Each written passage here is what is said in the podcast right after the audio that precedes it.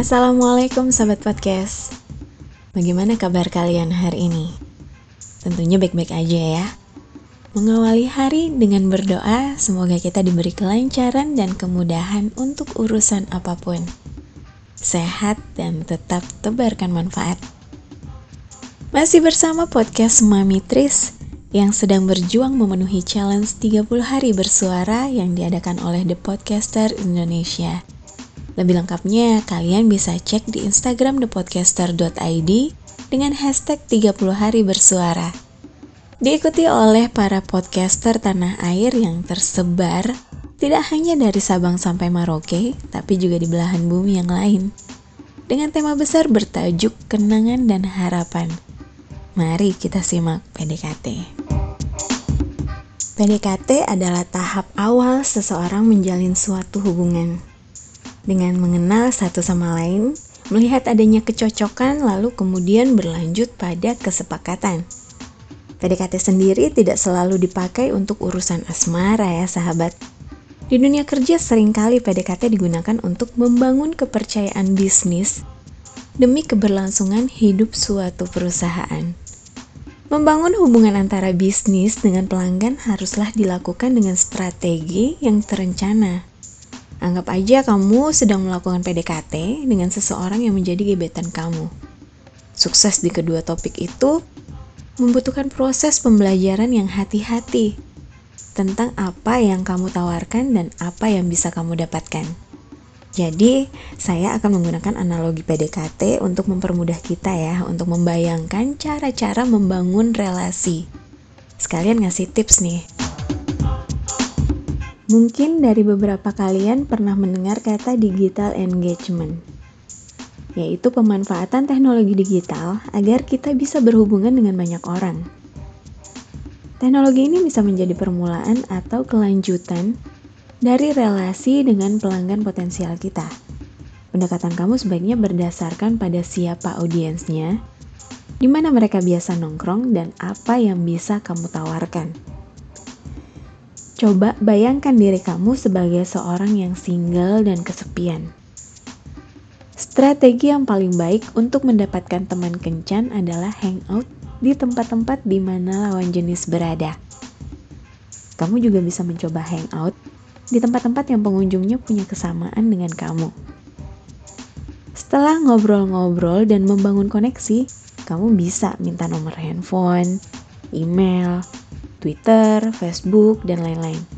Apa pun medianya, tujuan kamu cuma satu, adalah untuk menjaga supaya komunikasi tetap lancar. Untuk memberi kesan yang baik, hindari berbicara tentang diri sendiri dan apa yang kamu tawarkan lebih baik fokus sama si dia apa yang dia suka dan tetek bengek tentang twilight, vampir, manusia serigala atau apa pun lah yang lagi hot. Terkadang sesuatu yang lagi ngetren itu bisa menyebalkan, tapi bisa jadi icebreaker yang efektif. Ya, untuk mencapai tujuan sebenarnya nggak ada aturan baku ya. Tapi bukan ide yang buruk juga kalau kamu membuat suatu formula rencana untuk mencapai sebuah tujuan. Nah, Misalnya aja, mulai dari membangun kesadaran tentang ide-ide dan nilai diri kita sendiri, lalu membangun hubungan personal dengan orang lain. Setelahnya kita berusaha meraih kepercayaan, kredibilitas, dan kesetiaan. Kelihatan kan? Dengan tujuan kita bisa tahu apa yang harus dilakukan dan apa yang tidak perlu kita lakukan. Karena perhatian adalah sesuatu yang mahal, jadi pembatasan ini membuat kamu menjadi lebih terpusat dan niche. Sebagai pemilik usaha, kamu harus paham. Membangun koneksi yang menguntungkan sulit dilakukan tanpa menggabungkan nilai jual usaha kamu dengan kebutuhan customer. Juga sangat penting nih untuk dicatat bahwa untuk menarik perhatian orang, kamu perlu berpikir kreatif dan di luar kebiasaan umum. Tujuannya, imajinasi, dan usahanya akan membawa kamu pada kesuksesan yang pada akhirnya gak ada seorang ahli yang bisa melakukan hal ini lebih baik dari kamu sendiri. Karena tidak ada yang mengetahui dan mengenal produk dan market yang kita miliki selain diri kita sendiri dong. Tetapkan tujuan yang tinggi, terima penolakan, dan tetap olah pola pendekatan kamu Jangan sampai produk kamu kesepian selamanya. Pendekatan sendiri perlu pengenalan mendalam. Ibarat pendekatan ke seorang wanita, seorang pria tentunya perlu mengumpulkan informasi yang detail termasuk dengan apa yang disukai dan tidak disukai oleh wanita. Hal ini juga perlu diimplementasikan oleh perusahaan dengan mengumpulkan data pelanggan agar bisa memahami si pelanggan lebih mendalam. Karena nggak ada perusahaan yang mau dong pelanggannya berpindah ke lain hati. Dan pendekatan itu butuh biaya. Biaya makan, biaya entertain, transport, dan lain sebagainya. Bukan nggak mungkin loh, dari pendekatan tersebut timbullah hubungan yang bisa lebih baik lagi kita bisa sekaligus mengumpulkan data mengenai barang apa yang sering dibelanjakan, hingga berapa kisaran biaya yang dikeluarkan pelanggan dalam sekali transaksi.